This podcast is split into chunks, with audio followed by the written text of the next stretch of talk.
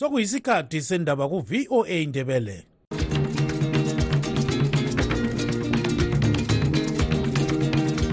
amatshono zihlobo siyalamukela kuhlelo lwethu lwezindaba eziphathelane lezimbabwe. Kustudio 7 eya voice of america sisakaza sisewashington dc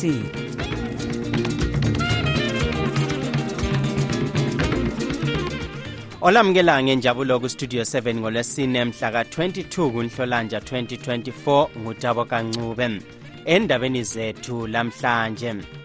Abanye abarepresente respondent bathi khona khona bafuna imali ekadimeli ifakwe. So ikhodi yasisithi hayi hambanini liyelungisa indaba zemali. Umthethwandaba we-supreme court usukhiphe kuluhlu lwawo udaba lwamalunga awe-triple c aphikisa amabandla amandla okubaxotshisa edala lephalamende akamnumzana sengezo chabangu ozithi ngunobhala webandla leli. Iziphambano lezi ezinhlanu esizifakileyo esinye simele abantu ababulawayo esinye simele abantu ababacacisayo esinye simele omama abarethwayo. Abenhlanganiso eyibheju likazulu bamanyele lenkokheli zomdabu amabandla ezombusazwe abenkolo inhlanganiso ezizimeleyo lozulu ukwakha elinye ilitshe lesikhumbuzo sabantu ababulawa ngumbhuqazwe wegugurawundi sokuludaba egudwini okuzanelwa libandla lezanu-p f elithi lifisa ukuba umongameli emerson nangagwa aqhubekele phambili esembusweni okwehlandla lesithathu i-third term. Zonke lezi ndaba lezinye lizozizwa kulumsakazo.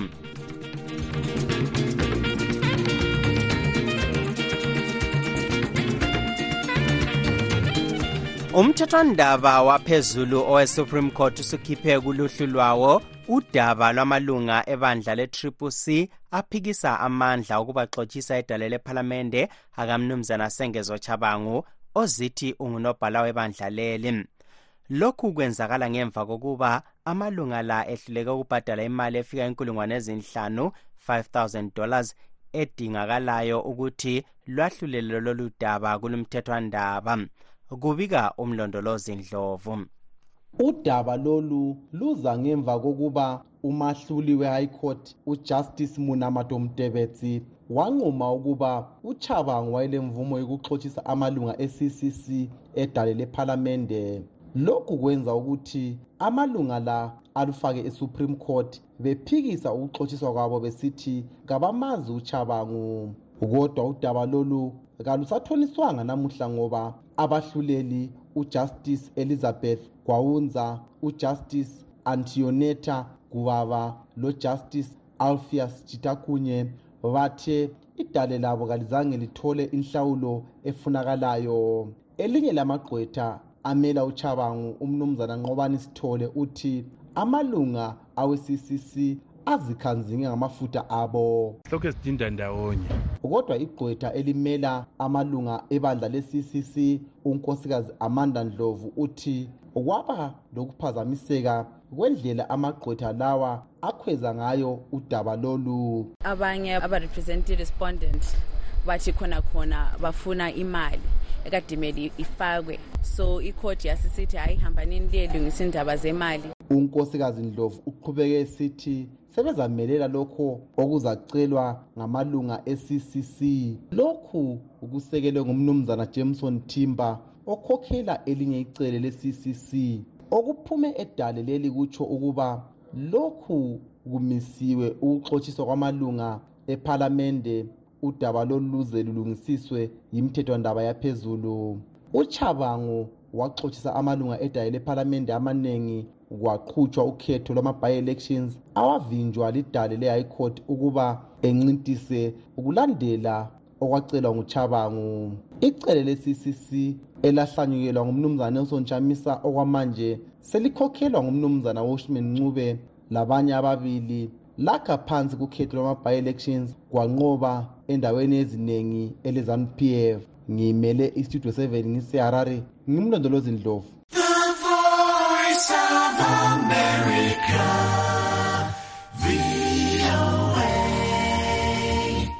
Abenhlanganiso elwela amalungelo oluntu e-ibheju likazulu bamanyane lenkokheli zomdabu amabandla ezombusazwe abezinkonzo inhlanganiso ezizimeleyo lozulu ukwakha ilitshe lesine lesikhumbuzo sabantu ababulawa ngesikhathi sombhuqazi wegugurawundi bahle bathatha leli thuba ukuphatha umthandazo wesikhumbuzo wabantu abagongodwa liviyo lebutho ele-5th brigade elalilolongwe kwele-north korea. Kubika u-anastasia ndlovu minyaka yonke mhla ka-21 hlolanja kuba lombuthano wokunanza abantu ababulawa ngesikhathi sombhuqazwe wegugurahundi oqoqwa ngabe ibhethu likazulu.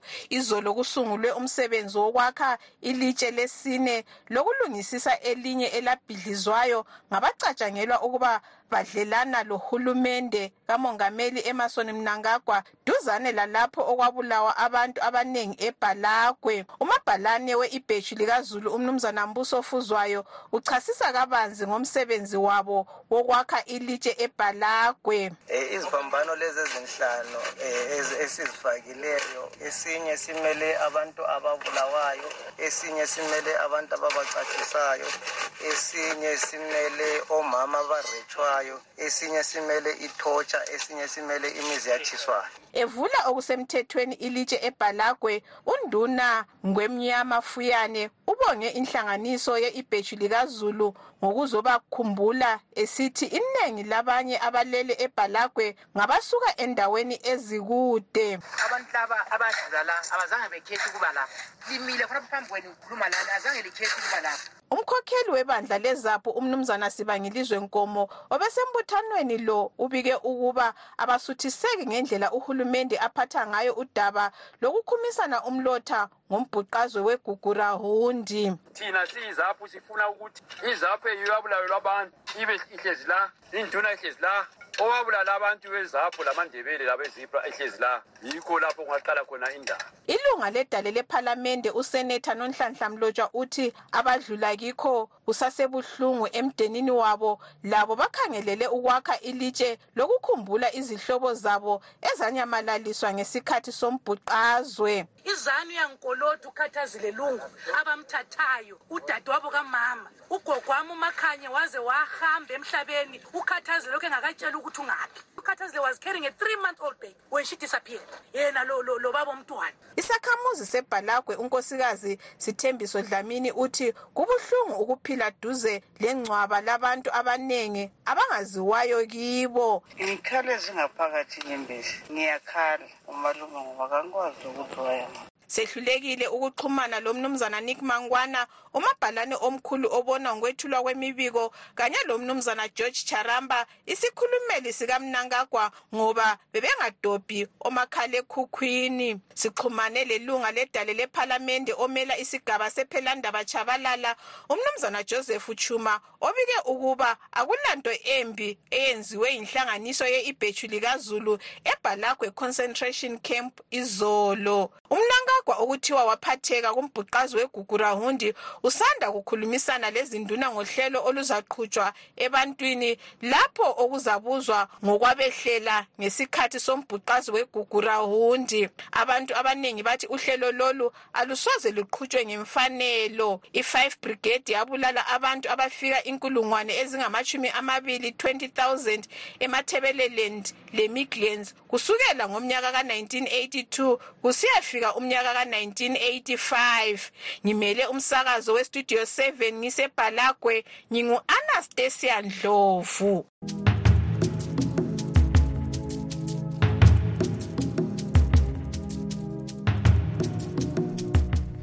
Kule nkampani yakwele china esebenzela ezimbabwe ehlawuliswe ifayindi yamadola asemelika angamakhulu ayisikhombisa i-700 dollars ngumthethwandaba ngemva kokwethesa icala lokusebenzisa amagagasi okuxhumana ebulanjini be-internet awenkampani ye-starlink yona elokhu emelele ukuphiwa ilayisensi nguhulumende abathutshisi bathi iziphathamandla ze-sunhe mining company esebhindura zephule umthetho we-postal and telecommunications act istarlink yinkampani yesizalwane semelika umnumzana elon musk exhumanisa abantu nge-internet isebenzisa ubungcitshi bakulezi nsuku obe-satellite.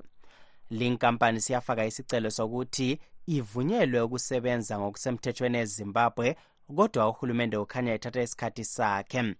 Istarlink siyaphiwa imvumo yokusebenza emazweni angomakhelwane afana lemozambique malawi lezambia lapho izizalwane zezimbabwe ezithenga khona amadish lamarouter okubamba amagagasi. Bakhona njalo abawathengisayo ngaphandle komthetho ezimbabwe. Lanxa inkampani yakule china le ibotshelwe ukusebenzisa i-intanethi ye-starlink icala elilotshwe ngabatshutshisi ngelokuthi itholakale ilomsakazo werediyo ongalalayisensi. Sibuze igqwetha umnumzana nqobani sithole ukuthi uthini ngalolu daba? Ngingathi chazi okuyindatshana okade ukhuluma ngendaba yena leyo. Kodwa yikuthi i-statement engisibonileyo besingani sikhuluma ngokuthi um abakho um license as a radio not i-internet. So angiyazi ukuthi i-relationship ye-radio le-internet ihamba njani. Kodwa kungasenani um kule nto engani iyaphazamisa ngendaba yetali ukuthi indaba bengafuni ukuyirejista ezimbabwe ngoba nxa sikhangele i-intanethi esilayo yona le vele ikhona kathesi. I-intanethi engani iyaxegaxega i-starlink um ungahamba kwamanye amazwe uthi uyayisebenzisa ungakhangela ispeed sayo. Ispeed sibili esingani siyacaca so eh sile system yokuthi siprotecte eh khonokho esiyabe silakho noma khonokho esiyabe silakho sizama ukuprotecta kuyinto nje oyibonayo ukuthi hayi laye kufuze kudonswa amasokisi kwamanye ama-internet providers esilawo wona lawa uyatsho ukuthi icala eletheswa linkampani ngelokutholakala isenza umsebenzi wokusakaza i-radio station ingela mvumo kahulumende kodwa icala elikhona ngelokuthi linkampani ibisebenzisa i-internet service yenkampani le e-starlink elokhe ingakaphiwa ilayisensi. Kungaba kuhamba njani khonapho? Livela ngaphi icala le-radio station le? Well angikwazi ukuthi amagqwetha ayo inkampani le avume njani ukuthi i-charge yona leyo njengayona leyo. Ibe i-charge esetshenziswe ku-starlink ngoba um kimi sibili liyana kayisiyo khonokho akade bekhuluma ngakho. Eh well but angilama-instructions ku-starlink ukuthi ngithi ibanjwe ngendlela le kumbe ngendlela liyana kodwa nje into engithe ngiyikhangele nje ngabona ngani yinto engani incwele umphathi ntambo wezemali ubaba umthuli ncube sesike samuzwa esithi i-starlink kumele iphiwe ilayisensi yokusebenza ezimbabwe.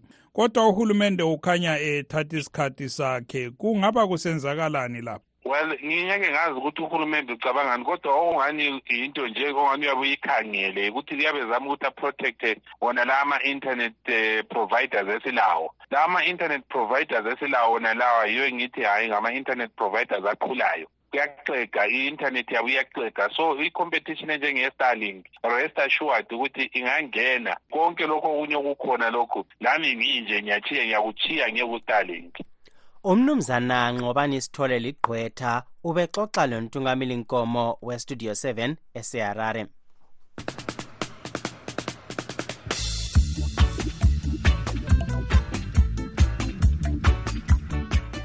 umongameli mohwetsi masisi udla amalahle ngemva kokuba amalunga edale lephalamende yelizwe lakhe esole imizamo yokuthi abezimbabwe bangene kwelebotswana besebenzisa izithupha hatshi ingwalo zamaphasipoti intathelizindaba estudio 7 umqondisi dube usipha lolu daba esehabron kwelebotswana.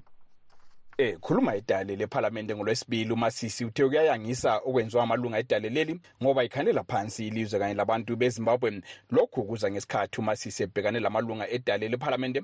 Okwakuqala lokho kwakhulunywa ngemizamo yokuthi kubekwe eceleni kusetshenziswa kwengalo zamapassport ezalwane zakwele Zimbabwe leleBotswana nyakenye.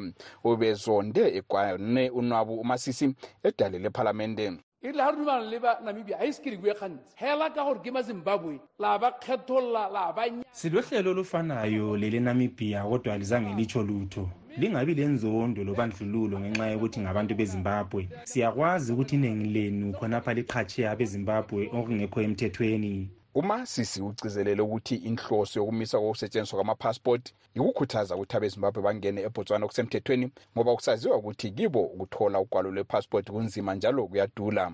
Umasisi okhulume kabanzi phezu kwalolu daba etshengisela ukufuthelana uthi abantu bebotswana kumele belahle umkhuba wabo wokukhalela phansi abantu bezimbabwe e o ka tswa o sa ba batle e tla re o sena go tsena mo pusong ga o ka tsena o tla ba koba mme ebile bontsi ba lona le rutile ke mazimbabwe le rutile ke mazimbabwe. Uma lingabafuni lizabaxotsha lina uma lingangena embusweni. Abanye benu khonapha bafundiswa ngabantu bezimbabwe njalo balezihlobo ezimbabwe kodwa khathesi selibambuluzela lizenza abangcono. Omele idolobho le-francis town edale lephalamende umnumzana winter mulutsi nguye othinte isilugu sabonlovu ngokuthi kungani umasisi egijimisa ukuthi abantu bezimbabwe bengene obuningi ngokususa ukusetshenziswa kwengwalo zamapassport. Umulutsi uthe uma uhlelo lolu lungaphumelela kutsho ukuba uhulumende wakwelebotswana usezanakelela kakhulu izizalwane zamazwe amabili esijwe kuqela lelezimbabwe a budgete jaaka e ntse yana a mme um tautona e ta re lekana. Ngikhathazekile ngoba imali ephuma esikhwameni sikahulumende ayingeke yasenela thina labantu bezimbabwe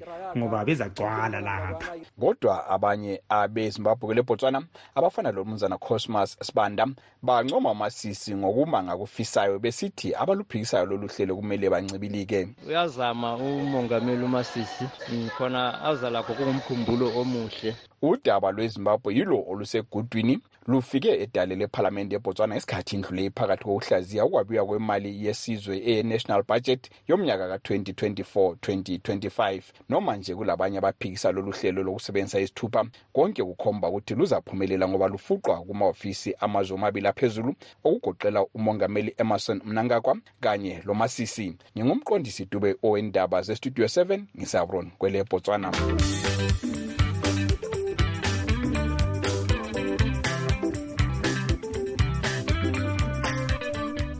sokuludaba egudwini okuzanywa ngabanye kubandla lezanu-pf abathi bafisa ukuba umongameli emerson mnangagwa aqhubeke esembusweni okwehlandla lesithathu i-third term. Isekelo sombuso welizwe siphawula ukuba umongameli engabusa okweminyaka elithumi kumele engavunyelwa ukuncintisa kolunye ukhetho. Kodwa abezanu-p f bakhanya befuna ukuguqula konke lokhu babisele umnankagwa esikhundleni aze aye kugoqanyawo. Abacubungule zemithetho abazimeleyo bathi izanu-p f ilakho ukuguqula iziqondiso zesisekelo sombuso welizwe ezivimba umnankagwa wokuncintisa kodwa ibandla elibusayo libikwa lilakho ukusebenzisa iphalamende ukuguqula iziqondiso lezi ngoba lilamalunga amaningi edaleleli kodwa kungani kalilabantu abeneleyo edale lesenate isekelo sombuso sikubeka sobala njalo ukuba kumele kwenziwe ireferendamu ukuze kuguqulwe isekelo sombuso welizwe. Konke lokhu kusezandleni zebandla lezanu-p f. Ukuhlaziya lolu daba ugibbs dube westudio 7 uxoxa lomnumzana malaki nkomo ilunga lebandla lezanu-p f. Lomnumzana nhlanhla moses ncube unobhala jikelelo enhlanganiso ye-freedom alliance. Unkomo usungula lolu daba inkulumo le ikhulunywe ngabanye abakubandla bezipocela ngoba ade besemhlanganweni wethu webandla le-zanup f yikuzikhulumela lokhuyana. Kodwa phela uma labo kule ndlela abayibonayo ukuthi nangu umongameli ukhokhela ngendlela enhle labo bengamalunga ebandla balemvumo layo ukuthi batsho ukuthi hayi madoda likubona njani ukuthi umongameli ngendlela adonsa ngayo um adonse afike lapha kumbe uma i-constitution yethu isivumela iyamvumela ukuthi simfake lapha asilocala leliyana. Anti lo ngibona kodwa kubandla lezanupef awukahlalwa phansi ukuthi singathi sokukhulunywa ngakho into esesingaxoxa ngayo. Yinto nje umuntu abantu abazi-expresselayo kodwa sibuye siyithathe ukuthi nxa abantu bebandla lezanupef bekubona ukuthi kuqakathekile ukuthi kube ngaleyo ndlela. Akulanto ebavimbelayo ngoba nxa i-constitution ibavumela kufanele bakwenze. Khonapho-ke baba ngomo siyakuzwa kakhulu. Siye kubaba uncube. Ncube uyamuzwa uyakhuluma lapha. Kodwa siyakwazi ukuthi vele kungaqala abatsha besithi um umongameli bamfuna. Ilizwe lonke liyaxasa kuyakwanisa ukuthi hhayi lathi siyamsekela. Kuqhubeke kunjalo. Igcine buyela futhi ingalithini ngakhona. Lokhu kungumhlolo kodwa ongamangalisiyo babudube inyoka iyatshengisa ukuthi ikhasi layo lelebilikuyo ngelinjani. Ikhipha ibuyela khona pana kumgabi umgabi ukhitshwa nje ngendlela efana layona leyo njalo ethunywa njengoba sibezwa bekhuluma laba abakhulumileyo ayiqali inkulumo le babudube bayathunywa labana bona babatsha kuthiwe hambani liye kuthi. Bebesenza njalo kumgabe um kuthiwe hhayi kuthiwe umama lobaba kabangene babe yizikhundla. Yakhumbula ugrace mgabe esiba ngowe-womens league oba ngumkhokheli. Yinto vele eyezanu bathunyiwe bona bana bana njalo bazancintisana um lo lalo efuna ukuthi kuthiwe lami ngikhonapho. Bese ngisiza ubaba udube eh, eh ubaba unkomo kanti umuntu esikhundleni uphuma ngoba ezondwa kumbe uphuma ngoba isikhathi sakhe sesifikile iyekelani baba unkomo ukwenza izinto ngendlela erong lenza engathi liyalungisa izinto zenezi ezokubusa um likhiphe umgabe kodwa lihamba ngenyathelo likamgabelo liyana okuyinto embi kakhulu ezilayo. Lingabantu abadala yenzanini indlela into ngendlela eqondileyo obaba umohathi ngabantu abadala laba ngeke bayekhuluma ixoxo kaligijimi nje egumeni kungela nto ekhona. Kukhona okukhona okubi elizama ukukupheka ye yes ubamba umlomo babankomo. Hayi lapho ungani kuyaphosa nzima um ubaba uncube ye ubaba uncube into engamtshela naye ukuthi baba ncube isililo sakoncube asikhalwa konkomo. Lapha sikhuluma thina izinto zethu njenge-zanu p f ezibonakalwa zifunwa ngabantu be-zanu p f. Hayi khona ezifunwa yi-freedom alliance kumbe ubani. Thina i-constitution yethu nxa isivumela thina asibuzi komunye umuntu. Sibuzana singama-comrades ukuthi lapha sikubona njani. Ukuthi wena suzabe ukuthi kwena ngabe lithe lathi lathi lathi ususitela sungurefri njengobani? Ngoba leli libandla esikhuluma ngalo libandla elilama-supporters libandla elabalandeli yibo abakufunayo imajority. And uma bethe bakufuna yikho khonoko kuzenzakala singatshelwanga ngubani ukuthi zenzani kanje. Thina ibandla f ama-members yitho okufanele sivumelane kukho. Kodwa omunye umuntu uma ungasiwe wethu wena ungakuzwisisi ukuthi kuhamba njani awufananga ukuhluphe. Yikho nsithi isililo sakoncube masingakhalwa konkomo. Incube nathi udaba.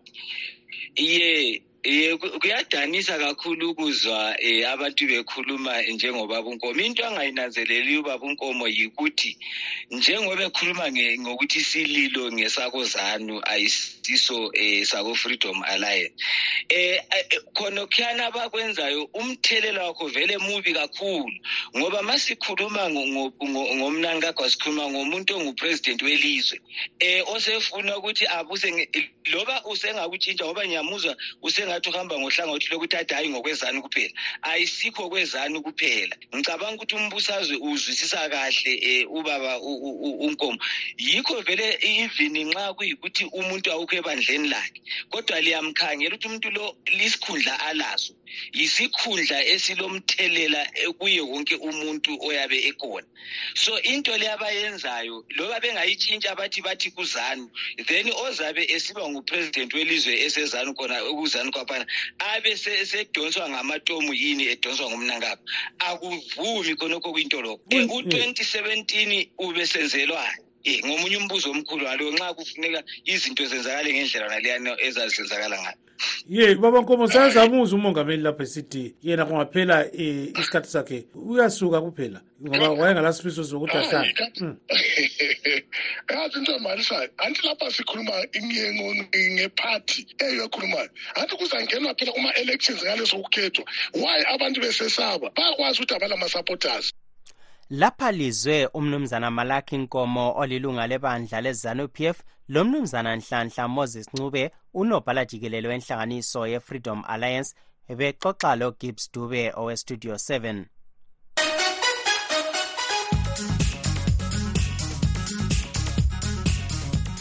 lanxa sekusele insuku ezinlutshwana ukuthi uhulumende wemelika avalwe ngenxa yokungavumelani kwamalunga amabandla ezombusazwe amadala omabili awephalamende ele-the house lele-senate alokhu ekukhefu. Abanye basola usomlomo wedala le-the house umnumzana mike johnson owama-republicans ngokwehluleka ukukhokhela. Kuningi okubangela ukuthi amabandla omabili engavumelani okubalisa ukwabelwa kwemali yokuphathisa le-ukraine kunye lele-israel ukuwabela imali yokuphathisa emngceleni welemelika lelemexico lokunye. Indleko zikahulumende kumele zabelwe imali kungakedluli umnyaka umhla ka-8 wenyanga ezayo kambimbitho ukuhlaziya lolu daba uchris gande westudio 7 uxoxelo olandela ezombusazwe elemelika umnumzana tim moringai hayi into leyi eye-partial budget or ukuthi ibudget lingaphumi um siyabona ukuthi mase sifika kuma-elections ma upresident engaso wephathi yona leyo engathiwa yikhokhela i-congress kuyaba lo kungathiwa kuyadonselana ngendaba ze-budget ngoba siyakwazi ukuthi eh ama-budget ramifications or ukuthi ama-situations angikhona azaphuma njani. Bayabe befuna ukuthi ilizwe lingaphumeleli or lingahambi phambili ngendaba zama-programs ayefakwe ngupresident. So kathesi siyabona ukuthi i-republican party yiyo elawo amakhiye e-congress and uh, ama-democrats ale-senate. So khonapho ukuthi ibudget ingaphumi ukuthi balimaze ama-chances kamongameli ubiden uh, for november's election. Ngokubona kwakho kuza kuphumelela yini ukuthi kugcine kusiba le budget? Njengoba sibona ukubana sokuzaba lalokho kuthiwa i-partial shutdown. Eh i-republican party ayisiso i-republican party leyani eseyaziyo yakudala eyama-principles lani le isiyiphathi katrump. So khonokho kufuneka ngutrump konke kwabakwenzayo siyabona ukuthi eh uchairperson or uchairlady we-republican committee ema-elections eh laye wachiya isihlalo ngendaba zona lezi ukuthi wayengafuni ukuyenza khona okwakufunwa ngubaba utrump. Eh ukuthi i-partial shutdown leyi eh izaba a very big distraction ngendaba zema-economic results. Because siyakwazi ukuthi okwakathesi ama-economy ye-america inganithiwa isi-on the recovery um bakhuluma nge-stock exchange eh le S&P lani lani lama economic indicators le unemployment esifike duzane kwabo 3% khonapho. Umongameli Biden engena yayichaya kuma 10% so khonokho yiko nganto asokuncedisa ukuba le re-election eh, mode kamnumzana uBiden. Umnumzana tim murinkai ngolandela ezombusazwe lemelika ubexoxa ecingweni lestudio 7 ese-ohio khonapha kwelemelika.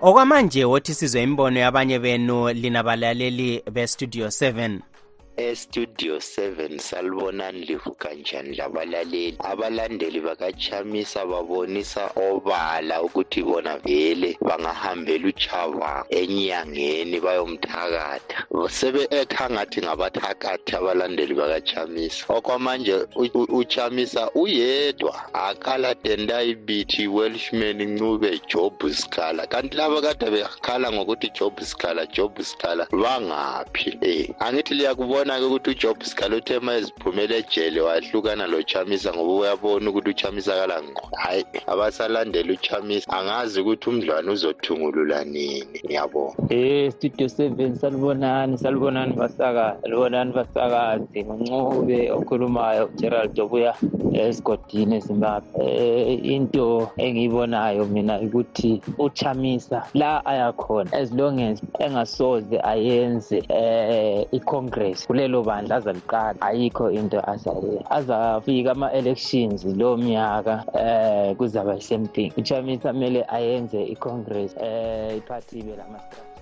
labo ngabanye babalaleli bestudio 7 besipha imibono yabo.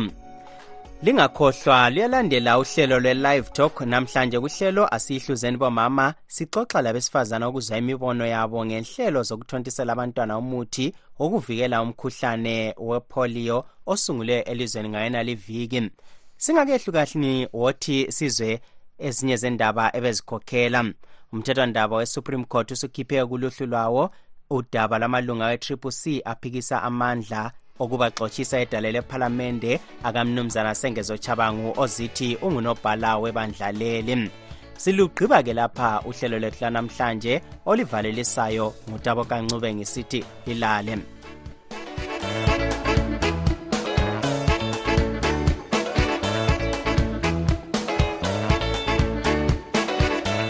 Siyalibonga ngokulalela kwenu. Asibeke ithuba elifanayo kusasa kustudio 7 kusukela ngo-half past 7 kusiya ku-8 o'clock ntambama kuhlelo lwezindaba zezimbabwe.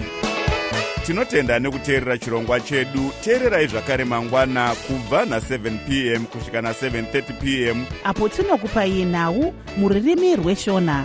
Lilani. Murara zvakanaka mhuri yezimbabwe